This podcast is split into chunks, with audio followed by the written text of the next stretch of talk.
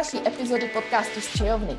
U mikrofonu vás zdraví Tereza Klemencová a Jana Davidová Glogarová.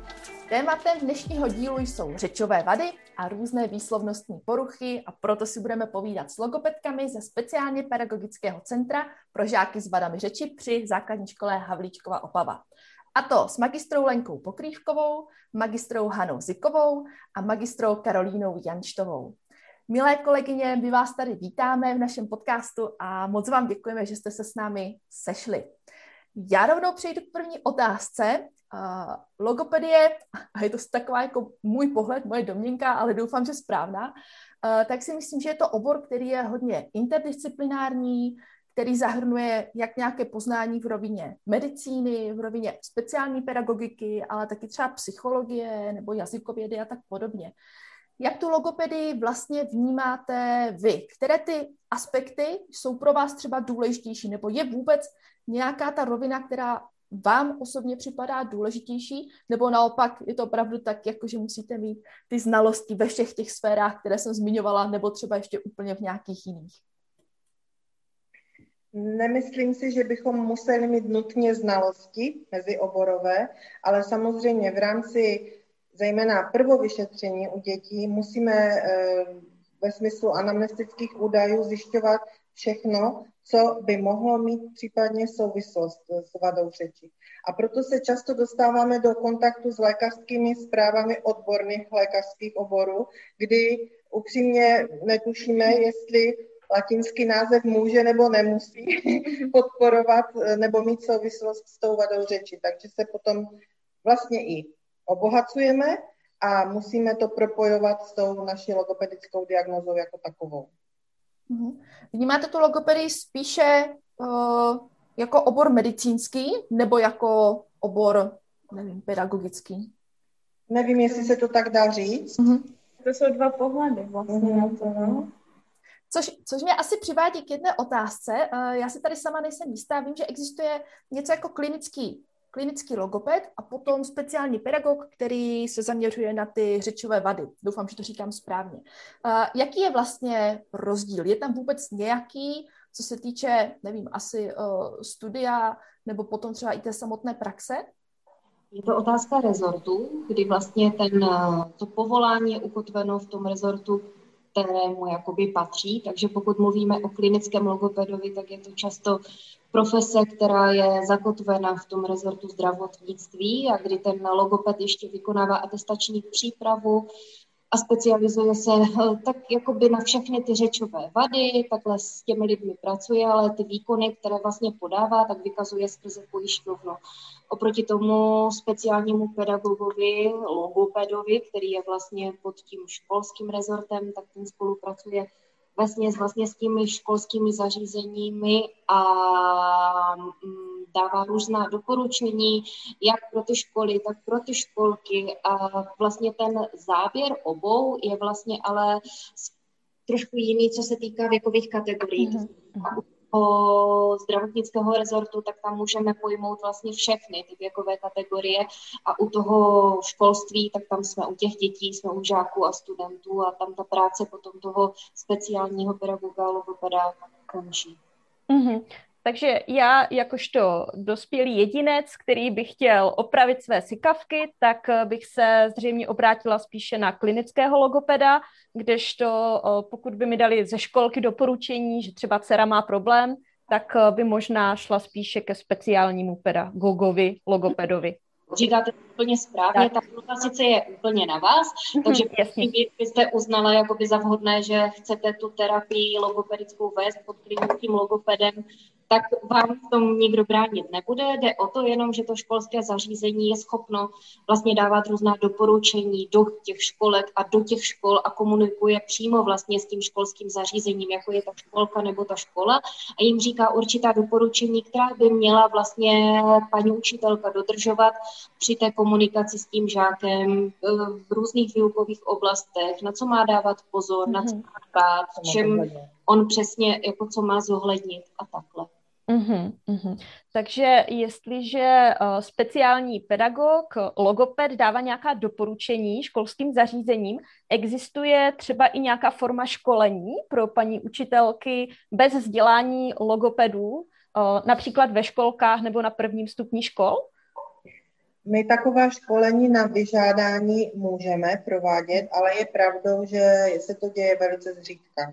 Mm. A čím si to vysvětlujete, že, že o to ta školská zařízení nemají zájem, pokud e, to je skutečně tak, že to děláte pouze zřídka? No, já osobně si to vysvětluji tím, že pracujeme tak dobře, že to všechno do toho doporučení napíšeme, tak už další informace nepotřebují. My totiž z našeho vyšetření vystavíme zprávu, ve které podrobně rozepíšeme, jak jsme dítě vyšetřili, v čem bylo úspěšné, v čem selhávalo. Mhm. A potom taky další výstup z našeho vyšetření je takzvané doporučení školského poradenského zařízení, kde je ukotveno i to doporučení do metod výuky, uh-huh. doporučení třeba pro zákonné zástupce, jak eh, navazovat na tu práci ve škole i v domácím prostředí.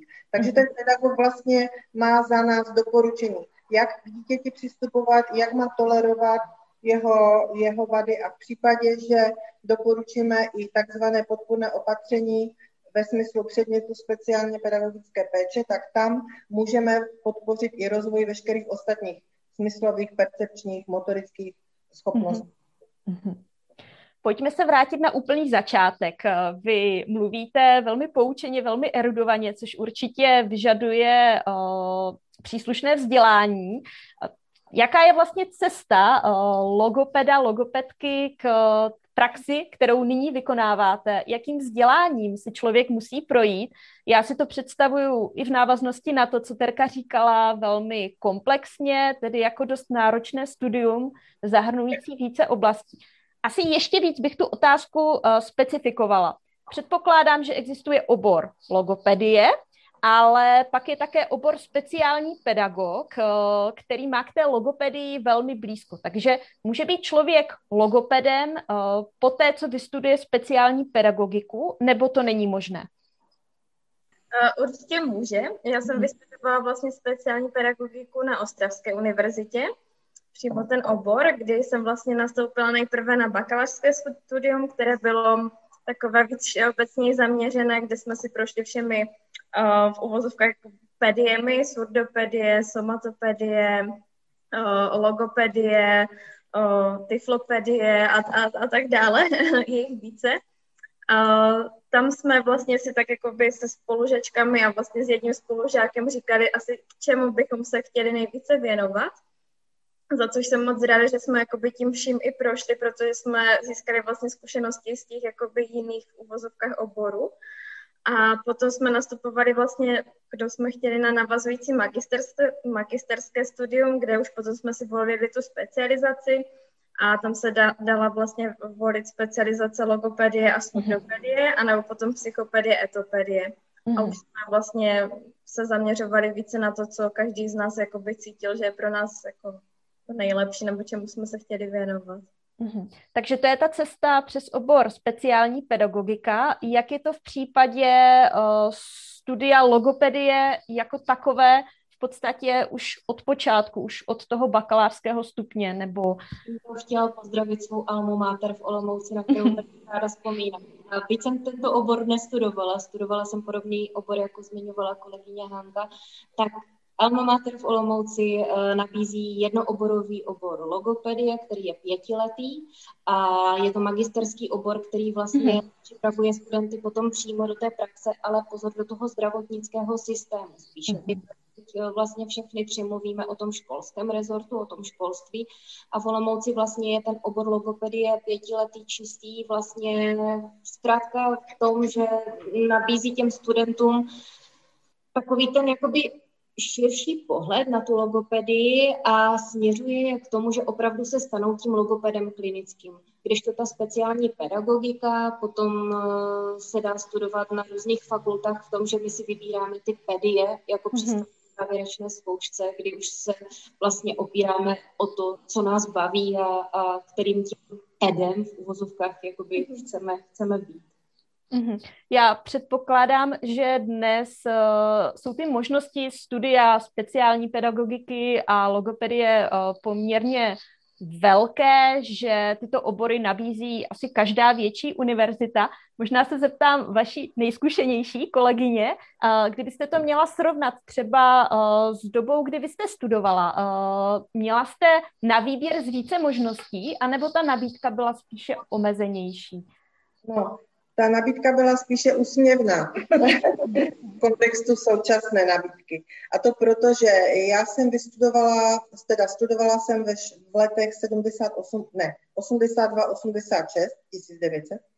A můj obor se jmenovalo Učitelství pro děti, pro mládež vyžadující zvláštní péči. To se nevlezlo do žádné kolonky, nikdy. A v rámci tohoto oboru jsme v podstatě tři roky studovali speciální pedagogiku a až v tom čtvrtém ročníku, tehdy to nebylo na pět let, jenom na čtyři, tak až v tom čtvrtém ročníku nám dali na výběr dvě pedie. Mm-hmm. Takže my, já jsem vlastně tu logopedii a ty uh, surdopedii studovala jenom v tom čtvrtém ročníku. Hmm. Takže osobně si myslím, že teď, jak je to vystavěno, to studium, že je to daleko víc do hloubky a daleko to dá děvčatům větší vhled do problematiky. Nehledě k tomu, že, eh, jak hovořila kolegyně o studiu jednooborové logopedie, tak to studium, myslím teda, opravně, jestli to říkám špatně, postrádá náhled do, těch, do toho pedagogického systému. To znamená, nemají tam eh, prostudovány ty osnovy a metody výuky. Mm-hmm. Když my jsme je studovali. Takže v poradenské praxi zase nám to pomáhá v tom případě tak, že jsme schopné pedagogům eh, doporučit a víme, co lze v rámci té výuky zvládnout a ne, co by hypoteticky jenom se mělo dělat. Prostě víme, jak to v té praxi chodí líp. Taky mm-hmm. jsme měli i praxe, vlastně, že jsme se i naučili učit ty mm-hmm. děti s různými postiženými, postiženími. Kdežto ta jednooborová logopedie tady tohle to nenabízí. A to je, myslím, škoda. A kdybyste měli zkusit zaspomínat, co pro vás bylo při studiu nejobtížnější, dovedete si vybavit nějaký moment, nebo třeba obor, uh, nebo nějaké zaměření předmět? studijní, předmět konkrétní? Já začnu, protože to bylo takové opět historie. Pro mě bylo, nebo pro nás tehdy bylo nejobtížnější vůbec sehnat skripta, protože hmm. počítače tehdy nebyly a skripta, jsme, skripta pro naše studium byla pouze ve slovenštině, což ne všichni teda ovládali. A učili jsme se tím způsobem, že jelikož nebyly ani počítače, tak jsme si skripta přepisovali přes kopíráky. Takže ten studijní materiál pro nás byl asi největší problém tehdy. Hmm. Já si myslím, že u nás už potom ten problém nebyl. To prostě, kdo měl skripta, poskytnout skripta a tak to mhm. už jako prostě se neřešilo. U nás už potom ráda vzpomínám na takové ty první, první akce, kdy člověk opravdu byl hozený do toho terénu a měl se nějak jako vypořádat opravdu s tím vlastně, jak má fungovat, co má dělat, co má říkat. A ty děti vlastně, s kterými se setkal, ho často pozvraceli, pokakali, počítali. Hmm. Tak to si pamatuju jako docela úplně živě, že s tím jsme se setkali tak jako v praxi. My jsme do toho byli tak jako hozeni. Na druhou stranu vlastně to bylo fajn, protože člověk se tou praxí uh, za mě naučil hrozně moc a my jsme té praxe měli opravdu dost, takže to si myslím, že nám dalo mm. úplně nejvhodnější možné maximum, které mohlo. Já ve chvíli, kdy jste mluvila o tom, že to setkání s tou praxí bylo zpočátku takové náročné, tak jsem chtěla říct, no to si asi zažil každý začínající učitel, my také, ale já mám vystudované učitelství pro střední školy a, a takové zážitky nemám, takže věřím, že to muselo být opravdu velmi obtížné, ano. A zas až tak. ale pro mateřství budoucí potenciální zase to je dobré. Ano, ano, určitě.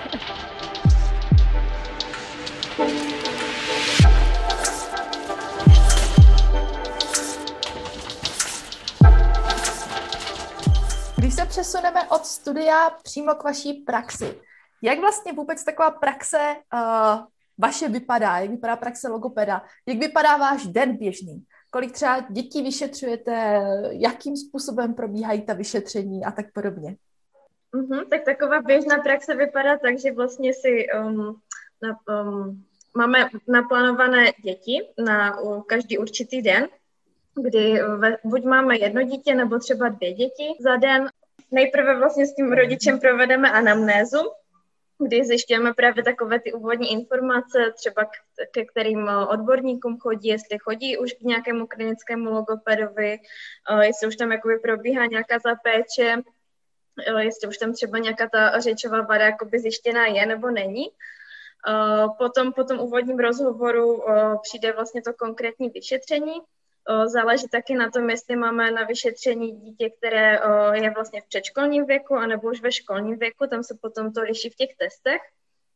Někdy k nám chodí děti taky na vyšetření vlastně školní zralosti, kdy zjišťujeme, jestli jim můžeme dát odklad školní docházky, nebo jestli už jsou zralé pro to, aby vlastně mohli být zaškolení. Taky záleží na tom, jestli vlastně to vyšetření probíhá v kombinaci s psychologem, tam taky potom může docházet ke zpřesňování té uh, narušené komunikační schopnosti, nebo jestli tam jakoby je nějaká diferenciální rozvaha uh, a potom by se to muselo samozřejmě řešit jakoby jiným směrem. A potom uh, máme jakoby, já i vlastně jako kolegyně, máme uh, i terapie potom, uh, vyšetření, kdy uh, provádíme vlastně reedukaci výslovnosti když to dítě třeba neumí nějaké hlásky r, ř, nebo ty sikavky, tak potom vlastně se na to zaměřujeme a to potom provádíme ještě dále. No. A potom samozřejmě ještě musíme potom vyšetření vypracovat zprávu a doporučení, což potom vlastně to doporučení jde do školy, kde píšeme ty různé metody, které ti učitelé by teda měli dodržovat a měli by se podle toho řídit, aby to těm dětem pomáhalo dále jsem si první představovala, že je to třeba takové sezení jako na hodinku, ale jak to tak poslouchám, tak, uh, tak zcela rozumím tomu, proč uh, jsou ty děti třeba během toho dne máte vlastně jenom dvě děti na vyšetření a tak. Jestli můžu, ono totiž taky záleží na tom, jak obtížnou tu řečovou vadu, nebo vůbec i jiné související, protože tam málo kdy je jenom o řečové vadě, většinou tam je celý komplex obtíží zdravotních, tak jak obtížné to vlastně je, protože ta úvodní anamnéza u prvovyšetření se někdy může protáhnout i na tři čtvrtě hodiny, než vám rodič povykládá, co vlastně se všechno s tím dítětem dělo, čím vším prošel, doloží vám to různými těmi odbornými závěrečnými zprávami lékařů, které si musíte okopírovat, které musíte pochopit pochopit celé to všechno anamnesticky musíte nějakým způsobem zpracovat. Potom to vyšetření probíhá buď v přítomnosti toho doprovázejícího rodiče nebo v jeho nepřítomnosti. Záleží na tom, jak toto dítě toleruje a jak je staré. A e, po vyšetření zase je taková krátká mezipauza, kdy vlastně my v rámci legislativních povinností na základě novely vyhlášky musíme nejdříve naše závěry konzultovat s tím e, zařízením školským, ať už je to školka nebo škola, protože tam doporučujeme třeba ty doučovací hodiny, takzvané předměty speciální pedagogické péče a musíme to s tou školou vykomunikovat, jestli na to má organizační možnosti nebo nemá. Když tady toto všechno, ty své závěry skonzultujeme se školou, tak teprve potom přichází na řadu konzultace s rodičem, kterému vysvětlíme naše závěry, vysvětlíme mu postupy, které doporučujeme, on s tím musí souhlasit a všechno samozřejmě probíhá i s takovým písemným souhlasným podpisem těch rodičů. A teprve potom se rozloučíme s dítětem a dítě odchází. Takže když zahájíme v 8 a je to komplikovaný případ, končíme klidně i v 11. Hmm. Jedno dítě. Mm-hmm. uh, a protože tím, že uh, to vaše centrum vlastně přináleží i k té základní škole, která teda, uh, jenom abych to upřesnila posluchačům, tak se specializuje na děti s poruchami uh, zraku a právě i s poruchami řeči, tak je to v něčem specifické, když třeba porovnám tu vaši praxi s praxí nějakého soukromého logopeda. Je to jenom o tom, že vy poskytujete i ty pedagogické rady a vlastně vyzíte ty své služby právě té základní škole, nebo uh, poskytujete i třeba soukromně, kdyby k vám někdo přišel, tak má možnost se na vás obrátit? Nebo je to čistě jenom pro potřeby té školy? Nedá se to takto definovat. My fungujeme jako spádová oblast pro celé Opavsko, jako speciálně pedagogické Centrum vady řeči a zraku. Samozřejmě, protože jsme zařízení, které je spojeno se základní školou pro tyto děti, tak i tyto děti k nám chodí. Pravdou je, že vlastně to speciální pedagogické centrum je zřízeno při škole. Vlastně mm-hmm. děti s vadou řeči pro děti s vadou zraku. Nutno ještě dodat, že v našem zařízení pracují vlastně i taky je jeden tyfloped mm-hmm. vlastně, který vlastně hm, podporuje vlastně děti s vadou zraku.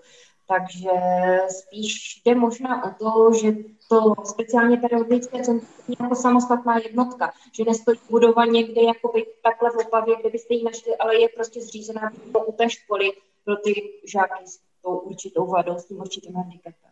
Vy podle toho, uh, co říkáte a jak mluvíte, tak uh, z toho vyplývá a je zřejmé, že pracujete především s dětmi, uh, do kterého věku dítěte jsou odchylky ve správné výslovnosti fyziologické.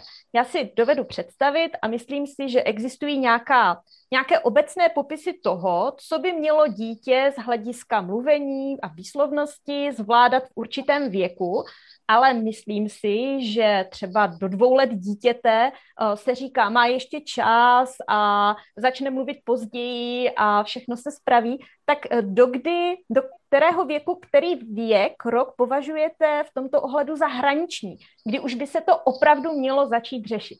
Otázkou je opravdu ten hraniční věk, tak jak to říkají učebnice, tak jak to říkají pedagogové.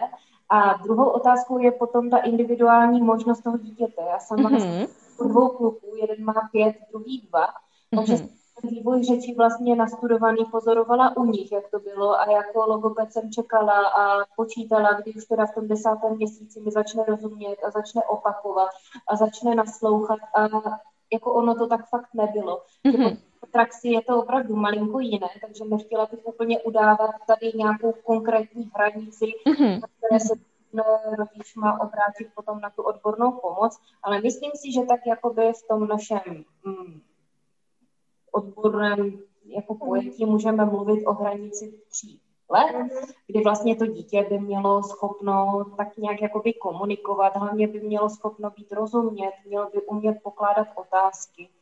A to je asi taková ta jakoby uh, hranice, fakt tři roky. Ono do toho možná i vstupuje to, od kterého věku je to dítě schopno spolupracovat. Asi. Přesně do tak, určité míry. Hmm.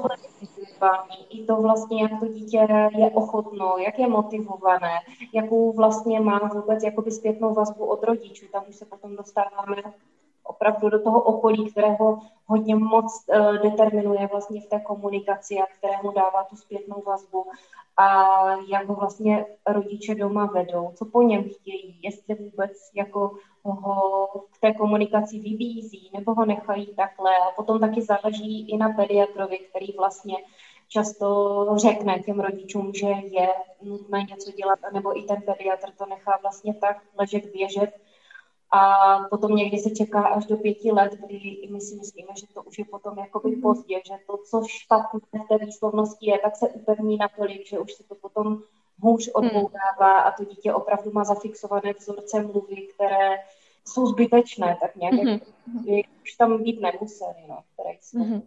Oni to mluvíme o vývoji řeči, ale to není jenom čistě o vývoji řeči. S vývojem řeči souvisí i ostatní schopnosti, které se navzájem ovlivňují a podporují. A v dnešní době je celkem dost častým nešvarem to, že rodiče, ať už mají pro to důvod nebo nemají, relevantní, odloží dítě k tabletu, odloží ho k televizi, odloží ho k počítači a v podstatě ta řečová stránka, a nejenom ta, ale i obyčejné kreslení, povídání si, ukazování obrázků, pojmenovávání, rozlišování, toto všechno je opomíjeno a tomu dítěti potom jednoznačně souvisí současně s tím vázne i ten řečový rozvoj. Takže nemálo se stává, že třeba neumí kreslit, ještě i v pěti letech je problém pro něho namalovat kolečko, nepozná spoustu výrazů, spoustu předmětů nedokáže označit, nemluví třeba se všemi slovními druhy, protože prostě se s ním málo mluví.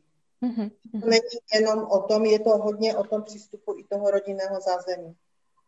Nakolik vy uh, sledujete především odchylky ve výslovnosti a nakolik se zaměřujete na správnou mluvu z hlediska gramatického, to znamená uh, na to, abyste odstraňovali nějaké agramatizmy, aby, aby dítě uh, mluvilo správně zase z toho komplexního pohledu, protože to není jenom o výslovnosti. Tak my se určitě zaměřujeme jak na výslovnost, tak ale právě i na tu gramatickou stránku jazyka, na všechny vlastně ty jazykové roviny. To znamená, že pro nás jakoby je hodně důležité si to dítě v určitém tom věkovém období, kdy už by mělo, tak jestli uh, jestli už vlastně mluví správně gramaticky, jestli tam je správná ta obsahová stránka toho jazyka, Jestli dokáže porozumět mluvenému slovu, to, to znamená, jak dalece má rozvinutou slovní zásobu, mm-hmm. protože když méně, tak potom samozřejmě pokyny a instrukce nějaké jsou pro něho mm, nesrozumitelné mm-hmm. a jeví se třeba hloupým zbytečně. Mm-hmm. Není to mm-hmm. Na základě čeho k vám nejčastěji přicházejí rodiče s dětmi? A, a nebo i dospělí, pokud někdo z vás pracuje i s dospělými. Je to opravdu především na základě doporučení lékaře nebo pedagoga, nebo z vlastního rozhodnutí, že se jim něco nezdá?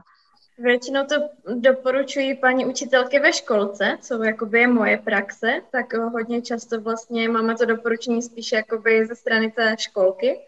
A, a není to trošku škoda? Vy jste říkali, že skutečně ten ideální věk, i když se to nedá zobecňovat, jsou tři roky, což je vlastně teprve věk nástupu dítěte do školky ve většině případech. Tam je nějaká, nějaký čas na adaptaci, paní učitelky je musí poznat. Určitě to i nějakou dobu trvá, než se potom k vám to dítě dostane, takže to je potom až třeba ve čtyřech letech. Není to ztracený čas a neměla by to být spíš třeba i výzva pro rodiče, víc eh, to řešit aktivně i z pozice rodičů právě kolem toho třetího roku věku? Ono si myslím, co docela jako je v popředí teď, tak nejsou jenom jako ty dyslalické vady, to, že opravdu dítě neumí kavky, neumí vibranty, ale je to i uh, diagnoza, o které můžeme takhle mluvit, je to opožděný vývoj řeči. Mm-hmm. Když zaregistrujeme v tom třetím roce a nedělá se s ní nic, tak se mm. akorát je to, že rodiče potom přijdou a řeknou, naše dítě nemluví, naše dítě mluví na bázi citoslovců, naše dítě se neumí vyjádřit. A tady pokud se opravdu nezačne pracovat, tak se to potom kupí a zhromaždí a to dítě už potom sbírá nejen to, že vlastně neumí si kavky a neumí vibranty, ale nemá slovní zásobu, nemá aktivní slovní zásobu, na které vlastně nemůže stavět a s kterou nemůže dál pracovat. Takže jo, čím déle vlastně se čeká a čím déle se nic nedělá a čím déle není vlastně adekvátní stimulace toho dítěte, tak tím je to jakoby horší. Kdyby to postřehovat podle mého názoru zejména dětští pediatři, protože hmm. tam děti chodí často na kontrolu, tam bývají se svými nachlazeními a rýmečkami častěji, že jo, zpočátku, takže tam by ten pediatr měl zaregistrovat, že se něco děje a aspoň preventivně. Hmm. Informovat toho rodiče, že by bylo záhodno nechat dítě přešetřit. K tomu mě napadá, eh, nevíte, zda teda eh, právě třeba i ti pediatři, nebo když jsme se bavili o těch učitelkách eh, v mateřinkách, zda mají i taky nějakou průpravu logopedickou v rámci toho vzdělávání, že jsou vedeni k tomu, aby tedy byli schopni poznat, že je nějaký problém? Tak pediatr to snad má v popisu studia, předpokládám. Hmm. A pedagog v podstatě taky. Určitě takové základní logopedické minimum musí být stěžení studium pro každého pedagoga. Mm-hmm. Potom existuje ještě specializovaný kurz logopedický preventista, kdy vlastně paní učitelka se stane preventistou, který je zhodnotit, zda už určitou hlásku by to dítě mělo mít vyvozenou, nebo i vlastně úroveň té řečové komunikace zda je na tom stupni věkovém, na kterém by, jako by měla být.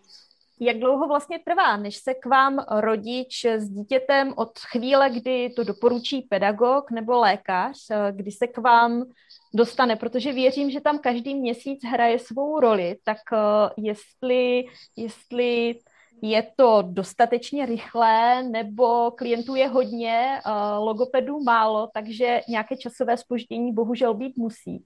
My máme stanovená legislativní pravidla tady na tuto hmm. vaši otázku, takže když rodič požádá naši sociální pracovnici, která je k tomuto úkonu kompetentní, požádá písemně nebo telefonicky o vyšetření dítěte, tak ze zákona jsme povinni toto dítě vyšetřit do tří měsíců od data podání žádosti. Mm-hmm.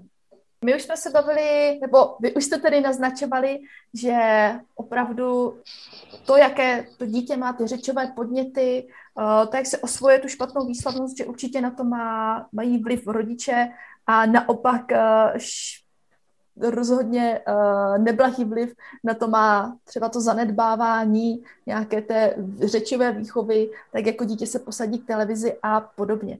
Jak moc si myslíte, že tady takové to sezení u televize, sezení u tabletu, jak moc to má velký vliv na ty řečové vady? Je to nějaké jako zásadní, nebo byste řekli, že až tak zásadní to zase není?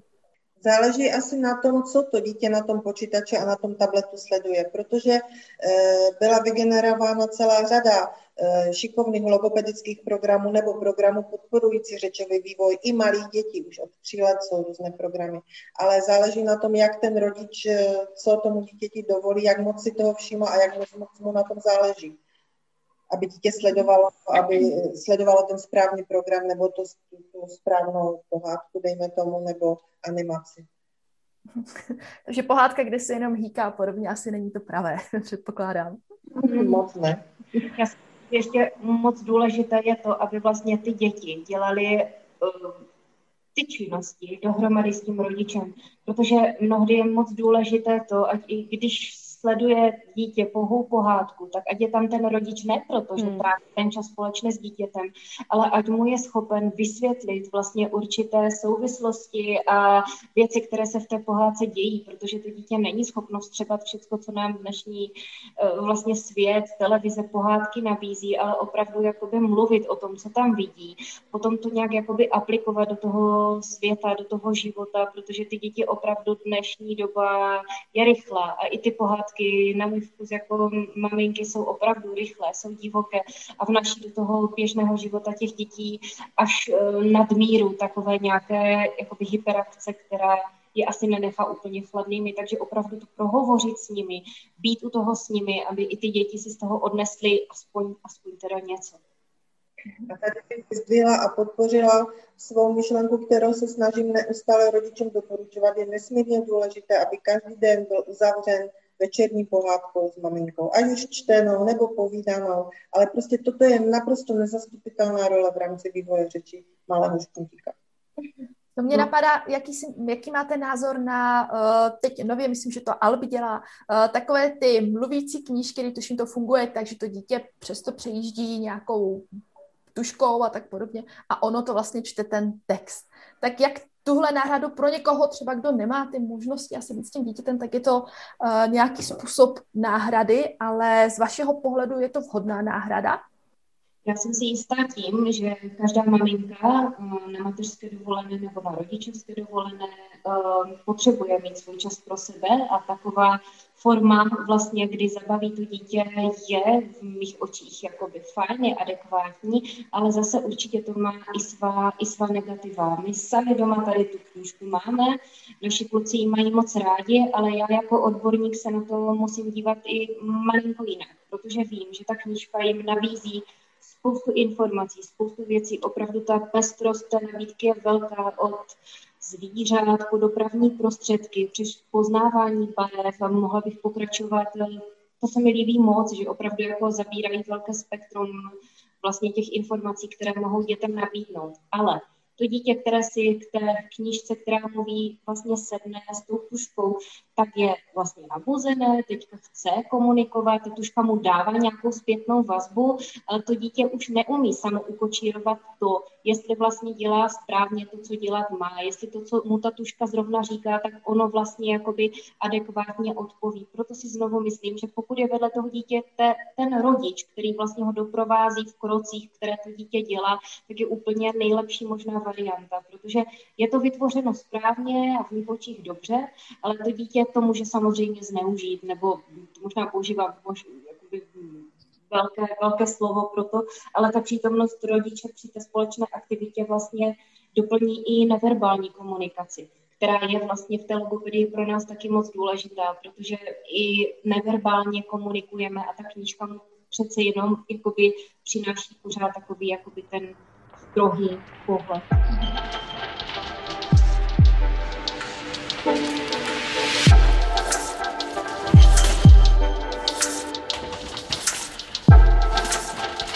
Nakolik eh, malé děti odkoukají špatnou výslovnost třeba právě od rodičů, nebo potom později i od eh, kamarádů nebo sourozenců. Pokud my jsme se tady s, eh, s Janou bavili o tom, že máme špatné sykavky, tak je nějaká pravděpodobnost, že naše děti budou taky se sykavkami zápolit? Já bych řekla, že stoprocentní. Rodiče jsou velkým vzorem pro děti ve všech oblastech, výjima je teda mluvní. Takže se nezřídka setkáváme s tím, že teda se snažíme vyšetřit dítě, ale hned v úvodu vyšetření, kdy provádíme ty anamnestické kroky, tak zjistíme, že maminka taky neumí si kapky nebo taky neumí R. Takže nás, úplně logicky to dítě ji napodobuje. A nejenom to. Třeba se to promítá i do toho, jak maminka drží tušku. Že automaticky drží tušku úplně stejně. A to jsou takové zakořeněné věci, které se potom opravdu těžko odbourávají, pokud se s tím nezačne brzy. To je genetický faktor, který prostě nelze, nelze odpárat. A pokud ale to dítě, třeba já mám špatné sykavky eh, kvůli nějakému špatnému postavení mluvidel, pokud mám dítě, které eh, má mluvidla v pořádku a má třeba problém se sykavkami, což teda osobně myslím, že dcera nemá, tak nakolik to potom eh, zvládne skorigovat styk s dalšími vrstevníky, s učitelkami ve školce, ve škole, protože osobně si myslím, že třeba moje dcera, ona nasává jako houba řečové podněty opravdu všech lidí, se kterými se potkává. Takže je tam nějaká možnost, že potom ve školce přirozeně začne mluvit tak jako ostatní vrstevníci nebo paní učitelky?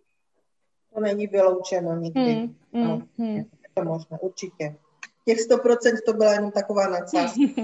jsem chtěla zdůraznit, jak významně to funguje. Mm-hmm. Já jsem jednou slo- slyšela uh, nějakého rodiče, nebo někdo říkal, jo, naše dcerka jako mluví strašně pěkně, a oni říkali, počkejte, až přijde do školky, tam se, tam se jí to skazí.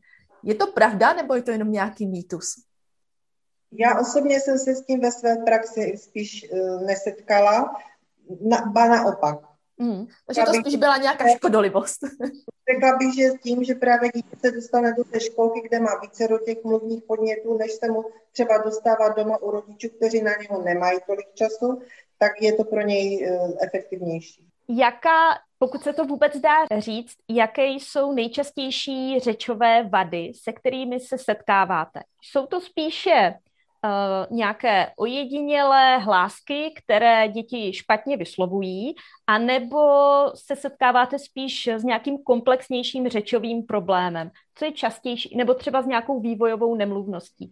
Co z toho je podle vás nejčastější, pokud se to vůbec dá říct na základě vašich zkušeností?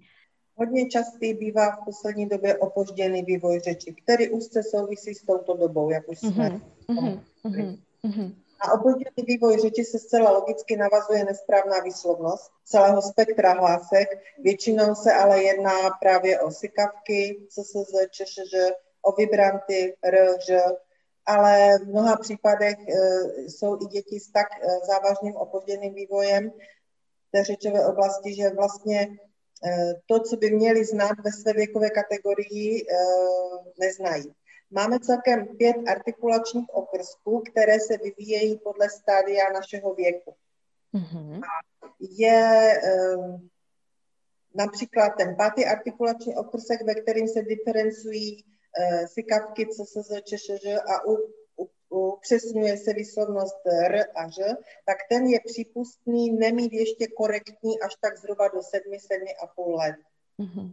A uh, Řekla bych, že do té doby se to většině dětem upraví, zvlášť když mají teda nějakou tu logopedickou peči klinického logopeda nebo navštěvují nějakou logopedickou intervenci. Další, ale menší skupinou dětí jsou děti s elektivním mutismem, kterých ale také v poslední době spíš přibývá.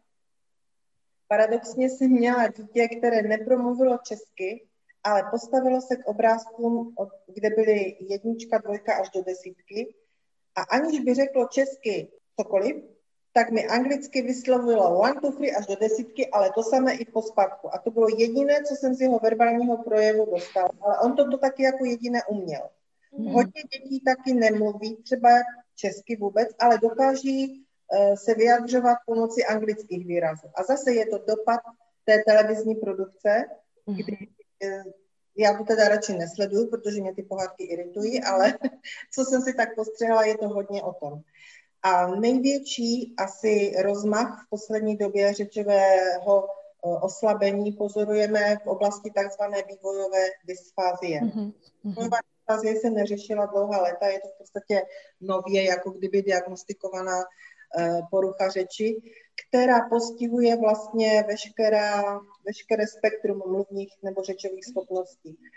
Skoro vždycky je tam dyslalická výslovnost, to znamená nesprávná výslovnost jedné nebo více hlásek a téměř vždycky nebo hlavně to postihuje eh, obsahovou a gramatickou rovinu řeči.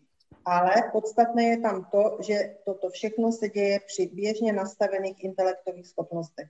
Mm-hmm. Tyto projevy jsou většinou typické pro děti, které mají snížené intelektové hodnoty. Ale dítě pak, když je dostatečně nadáno průměrně nebo přiměřeně a selhává v těchto řečových oblastech, tak se jedná o vývojovou dysfázii.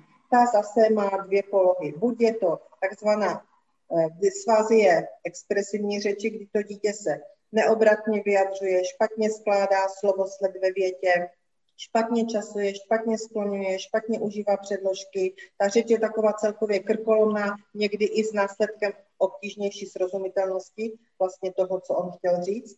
A nebo je vývojová dysfazie uh, receptivní, to znamená v porozumění, že vzhledem k tomu, že dítě nezná uh, dostatečně dobře význam slov v takovém pemzu, které by v jeho věkové kategorii už znát měl, tak prostě na něho mluvíte a ono vám třeba z té věty nerozumí dvěma třem slovům a tím pádem mu kontext celé té věty ve smyslu porozumění uniká. Dalo by se to přirovnat jako angličanovi v Čechách. Angličanovi, který zná pár českých slovíček, takže se na jednoduché úrovni dokáže ruka, noha plus nějaké to slovíčko domluvit. Ale když na něho spustíte plynule, tak je prostě ztracen a nerozumí vám vůbec nic.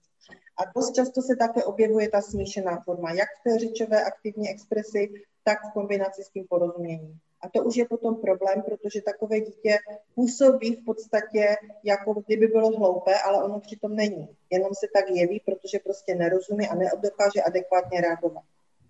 Já myslím, že zrovna o vývojové dysfázii se v dnešní době hodně mluví. Ví se také, jaké jsou předpokládané příčiny vývojové dysfázie. Může být i tato poměrně závažná odchylka řečová způsobená pouze nedostatečnými řečovými podněty, anebo tam ty příčiny už jsou hlubší? Ta etiologie je většinou, hlub, většinou pramení z rizikových údajů anamnéze, ať už prenatální nebo natální nebo postnatální, nebo následkem nějakých eh, vážnějších zdravotních obtíží. Většinou hmm. je to kombinaci takto. Hmm, hmm. A vy pracujete s dětmi, které mají nějaký řečový problém. Nakolik eh, se potom stává, podle vašeho názoru, že to dítě takzvaně pustíte, že už eh, mu nemáte co dalšího nabídnout a ono potom eh, v dospělosti nebo v dalších letech se zase částečně navrátí k těm špatným, špatným řečovým návykům a stane se z nich potom dospělá populace s vadou řeči. Tak ta moje taková podotázka k této otázce je, jestli existují nějaké statistiky k tomu, Uh, kolik procent české populace vůbec má nějaké řečové vady? Já o statistice žádný přehled hmm. nemám. Nevím, jak kolegyně, protože ty studovali modernější studium. takže k tomu se vyjádřit nedokážu. To neučili.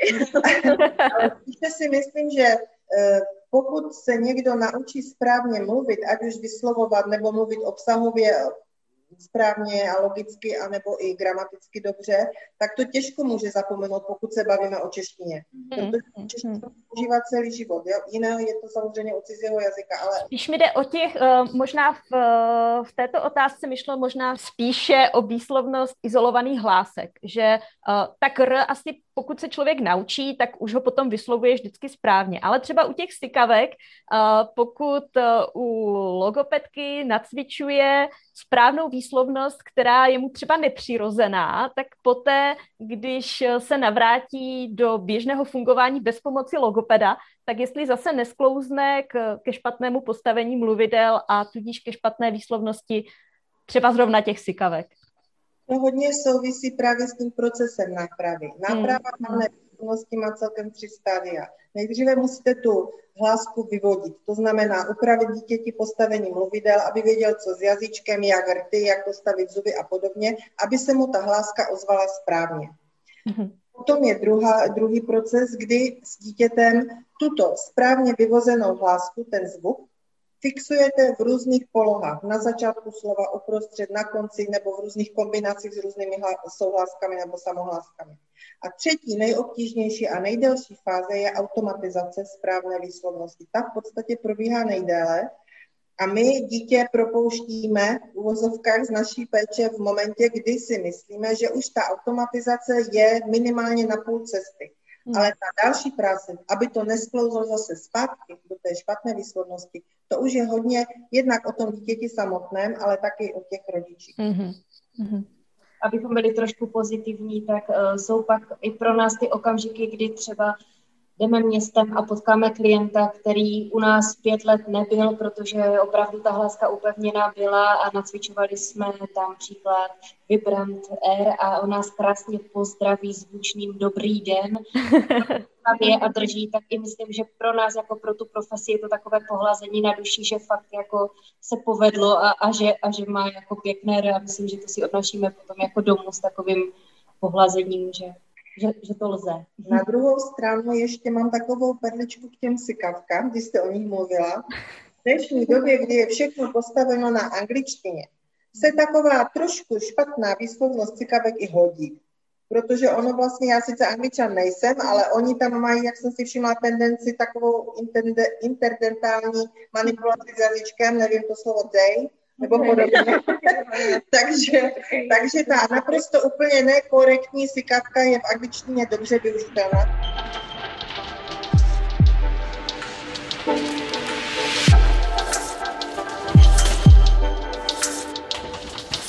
Lze, lze obecně říct, že některé ty hlásky uh, dělají dětem větší problémy, protože vy jste zmiňovali ty vibranty, zmiňovali jste ty sykavky a třeba i v rámci těchto skupin je to tak, že sykavky bývají obecně problém, tedy s, z, c, ž a tak dále, anebo třeba ty ostré prostě jsou problematičtější a vám trvá déle, než to dítě naučíte tu správnou výslovnost. To je individuální, na to se opravdu nedá odpovědět nějak. A u každého je to opravdu různé to se nedá úplně takhle plošně určit. I, I ten nácvik vlastně, ta náprava u každého trvá individuálně různou vlastně dobu. Někoho je to rychle, že opravdu za dva týdny máme vyvozeno, pak se upevňuje, to určitě, ale u někoho může trvat i delší dobu vlastně, než vůbec tu správnou hlásku, pokud jsme u těch hláskách vyvodíme a dostaneme ji do ty pusinky tak, jak má. Mm-hmm. Pro vás osobně jsou nějaké uh, řečové vady, které se vám nejhůře odstraňují, že dejme tomu, že jsou opravdu, ne, nejen teda jako v globálu jsme se bavili, že je to opravdu individuální, ale jestli vy osobně máte nějakou vadu, kterou opravdu řešíte, ne, nechci říct jako uh, neradi, protože mi jasné, že budete muset řešit všechno, ale patří to k těm méně oblíbeným nebo nejhůře odstranitelným vadám. Tak. Možná bychom to mohli srovnat s praxí učitelek, které také máme svá neoblíbená témata, která prostě ne, nerady učíme. Musíme, ale učíme. Já si myslím, že nejobtížnější náprava je náprava koktavosti. Mm. Tam je opravdu, existuje údajně 250 metod, jak odstranit koktavost. Ale uh-huh, to je teorie. Mm-hmm. Ale v praxi je to opravdu velmi obtížné a málo kdy je ten úspěch stoprocentní. Já zase, protože pracuji i s dospělou klientelou, tak pokud uh, se jedná o vadu, která je progresivní, což znamená, že se zhoršuje, tak uh, mi nedělá úplně dobře vědět to, že vlastně ty mé možnosti, které nabízím, jsou limitující. Mm. A tím, že i do té terapie člověk vnáší sebe, vnáší tam své emoce a vnáší tam i ten vlastně klient svůj příběh, tak je pro mě někdy těžké vlastně vůbec tu terapii takhle provádět a jít do ní, když vím, že vlastně má ten progresivní charakter. Mm. A které z těch vad mývají progresivní charakter, pokud se můžu zeptat? Uh-huh. Tam pokud mluvíme třeba u té dospělé klientele, tak uh-huh. tam jsou vady, které třeba souvisí s, se svalstvem, a to je s uh-huh. svalstva, kdy ten člověk opravdu, uh, když jsme mluvili dříve o té artikulaci, tak i tehdy nebo teď uh, artikuluje špatně, ale to ne proto, že se ty hlásky špatně naučila, ale to proto, že vlastně ty mluvní orgány, které se podílejí na té komunikaci, tak jsou natolik slabé, že tu komunikaci nezvládají a tam je to potom třeba dysartrie. Získá vlastně vada řeči následkem ochabování svazku, svalové atrofie, kdy ten člověk je upoután už potom třeba na vozíček a, a ta komunikace se zhoršuje, s kterou tak souvisí ruku v ruce vlastně dýchání a všechny vlastně schopnosti, které se na té řeči podílejí. Hmm. Uh, bývají potom ty případy, kdy vlastně ono to jako tady na to navazuje, kdy už vy nemůžete tomu dotyčnému pomoci, že tedy uh, vlastně tu řečovou vadu nevyřešíte, protože já jako z toho, z toho co všechno říkáte, uh, si myslím, že asi ne všechno jde, ne všechno jde vyřešit. A je správně si to tak říct, je správně to tak nazvat a říct, že vlastně i jen my jsme lidi a my se snažíme vlastně tu řečovou vadu udržet v nějaké vlastně rovině. To znamená, snažíme si ji udržet tak, aby se úplně šíleně nezhoršila, ale aby se zároveň tak nějak jakoby udržela v tom, jak podporujeme toho člověka nějakých těch schopnostech a i v nějakých těch dovednostech, které ho během dne jakoby provází, protože třeba u té dizartie ten člověk nejen, že uh, se zhoršuje ta komunikační stránka řeči, ale on má i problémy vlastně s tím, aby se napil. To znamená, poradíme mu tak, aby si zahustil vlastně tekutinu, aby se nezadusil tím, že pije, naučíme ho pít brčkem a, a tak dále v této souvislosti s těmi opravdu těžkými poruchami eh, mě napadá třeba i nemluvnost eh, způsobena nějakými sociálními fobiemi. Eh, řeší i tyto problémy logoped, anebo to už potom spadá spíše do oblasti psychologie, psychoterapie, psychiatrie? Mluvíte pravděpodobně o mutismu. Mm-hmm. Kdy mutismus samozřejmě je řečová vada, která úzce souvisí buď s neurologickou nebo psychologickou stránkou, ale mm, my v naší praxi se setkáváme spíš takzva, s takzvaným výběrovým mutismem, výběrovou nemluvností, mm-hmm. elektrickým mutismem, kdy to dítě mluví a nebo mluví málo, a nebo náhle přestane mluvit. Často se to děje na podkladě třeba vstupu do školky, nebo nějakého traumatizujícího zážitku, kterého si rodič ani nemusí povšimnout v tom smyslu, že by se mu zdal traumatizující, eh, ale to dítě to tímto způsobem zpracuje a najednou přestane mluvit. Takže děti s takovým elektivním mutismem nebo s málo, hodně málo podpořeným verbálním apetitem, s těmi se tady setkáváme, ano. Mm a uh, konzultujete to třeba právě i, já nevím, s nějakým psychologem nebo s jinými odborníky, anebo k ním, k těmto dětem přistupujete opravdu z čistě zase toho logopedického hlediska? To je multioborová potom mm. diagnostika mm. a v zařízení funguje také psycholog, který tyto děti s námi v rámci komplexního vyšetření posoudí. A nejenom děti, ale v rámci konzultace s rodičem vlastně se snaží vystupovat etiologii, proč se vlastně stalo, že to dítě najednou přestalo mluvit, nebo čím je to způsobeno, že od malička málo mluví, anebo ta řeč se nerozvíjí tak, jak by měla. Takže určitě minimálně v kombinaci s psychologem eh, tato vyšetření probíhají. Hmm. A v souvislosti s řečovým vývojem u dětí se určitě nabízí i otázka bilingvismu a bilingvních dětí.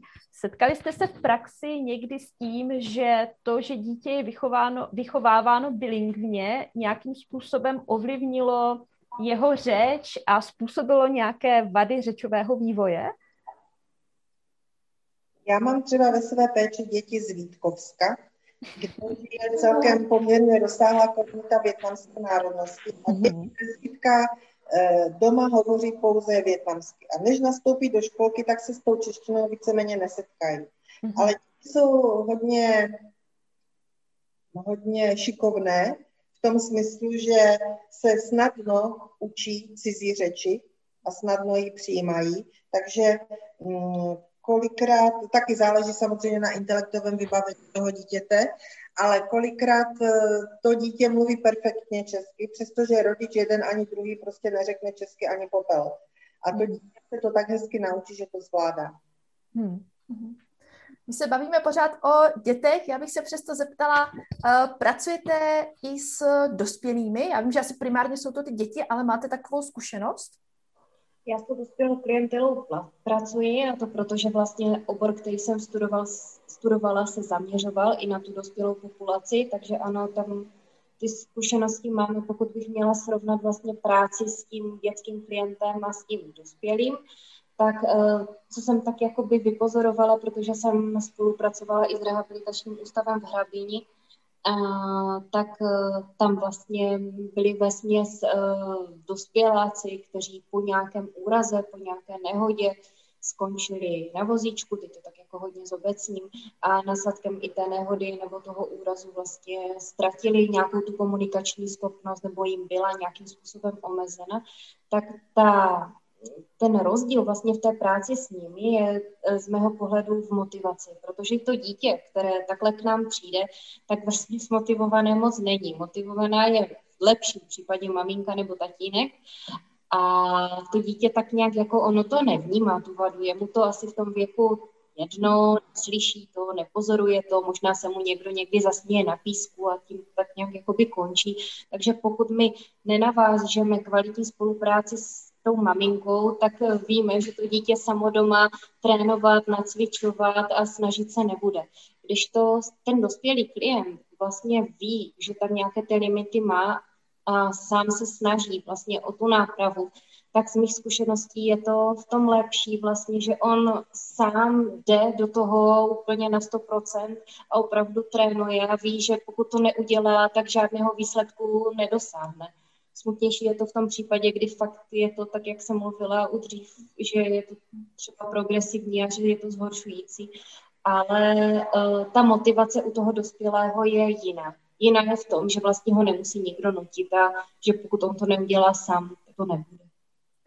Vy jste krásně navázala na další otázku, kterou jsem chtěla položit, a to je vlastně přítomnost těch rodičů při tom eh, vyšetření, protože jste říká, že je fajn, eh, je důležité, když jsou ti rodiče nemotivovaní, ale eh, je to teda tak, že eh, ti rodiče bývají tomu vyšetření přítomní celému nebo jenom v určitých částí a vy právě i vyžadujete, abyste to dítě třeba měli samotné a aby naopak jste eliminovali vliv toho rodiče a máte třeba i jako zkušenost, že ti rodiče vám to narušují, celé to vyšetření, dejme tomu, že si vygooglili něco na internetu a cítí se jako už dostatečně uh, fundovaní na to, aby vám třeba řekli, čím to dítě trpí a co by bylo třeba zlepšit a tak podobně. To úplně až tak jako nebývá, že by si to jako vygooglili a říkali nám potom, jako kterou tu řečovou vadu třeba to dítě mývá, nebo to ne. Uh, je to různé, někdy ti rodiče u toho vyšetření jsou, ale vlastně to bývá tak, že vlastně pošleme potom úvodním rozhovoru na chodbu, s tím, že teda to dítě potom pracuje lépe, no, že my si ho tak jako umíme jako jinak skorigovat trošičku. Ti rodiče mají tendence, když to dítě třeba sebou šije, že tam jako je nějaký ten psychomotorický neklid nebo tak, tak uh, ho tak jako okřikovat, vstupovat nám do toho, tím pádem nám jakoby skákají do řeči, my si to dítě už potom k sobě neumíme úplně namotivovat takovým způsobem, jako když ten rodič u toho přítomný není, no. Někdy zase jako mám z praxe, že ti rodiče třeba sedí na mobilu, teď jim to tam začne pípat ten mobil, v průběhu toho vyšetření, což taky není úplně takové komfortní pro nás a o, to dítě kolikrát pracuje lépe, když ten rodič tady v toho přítomný není. No. Někdy zase je lépe, když o, ten rodič třeba si nepřeje odklad školní docházky, o, s tím, že teda my tak jakoby podle toho úvodního rozhovoru už tak jako vidíme, že by to tam třeba být mohlo, tak je dobré třeba toho rodiče u toho vyšetření mít a potom mu tam na základě těch různých úkolů vlastně ukazovat a říkat mu, co to dítě čem ještě třeba není úplně až tak zralé pro tu školní docházku, aby to vlastně ten rodič přímo viděl, nebo třeba jako jak, jakým způsobem s tím dětem má pracovat doma a tak dále. Mhm. praxi ale bývá taky to, že zejména ty menší děti, tři, čtyři leté, jsou vyšetřováni v doprovodu a v přítomnosti vlastně toho doprovázejícího rodiče už z toho titulu, že jsou ostýchaví, bázliví, že hůře naváží ten sociální kontakt v neznámém prostředí s neznámou osobou. Takže pokud se s tím rodičem dá domluvit, jakože skoro vždycky dá, aby nám do toho nevstupoval a dítě nekorigoval, tak uh, ta přítomnost toho rodiče není vyloučena. To je pravda. Já bych ještě chtěla, uh, jsem si vzpomněla teď na takový krásný zážitek a chtěla bych vyzvednout vlastně tu upřímnost těch dětí, protože vlastně ve srovnání s tím dospělým klientem ta dětská upřímnost a takové to, co na srdci, to na jazyku, tak tomhle bych viděla jako plusové a pozitivní.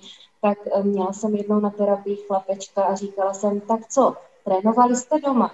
A chlapeček tam byl právě v přítomnosti maminky, nevím, jestli to bylo právě dobře nebo špatně, a chlapeček odpověděl, netrénovali. Maminka byla celou dobu na mobilu. Hmm. A od té doby se mě neviděla. a teď mě napadá, jak to řešíte v těch případech, že stejnou vadu výslovnosti má rodič i dítě? Vlastně rodič s vadou výslovnosti nemůže adekvátně trénovat se svým dítětem. Zapeklitá situace. Svého rodiče nebo babičku. A nebo můžou, můžou napravovat svou vadu výslovnosti společně. Uh, nabízíte třeba i tuto možnost?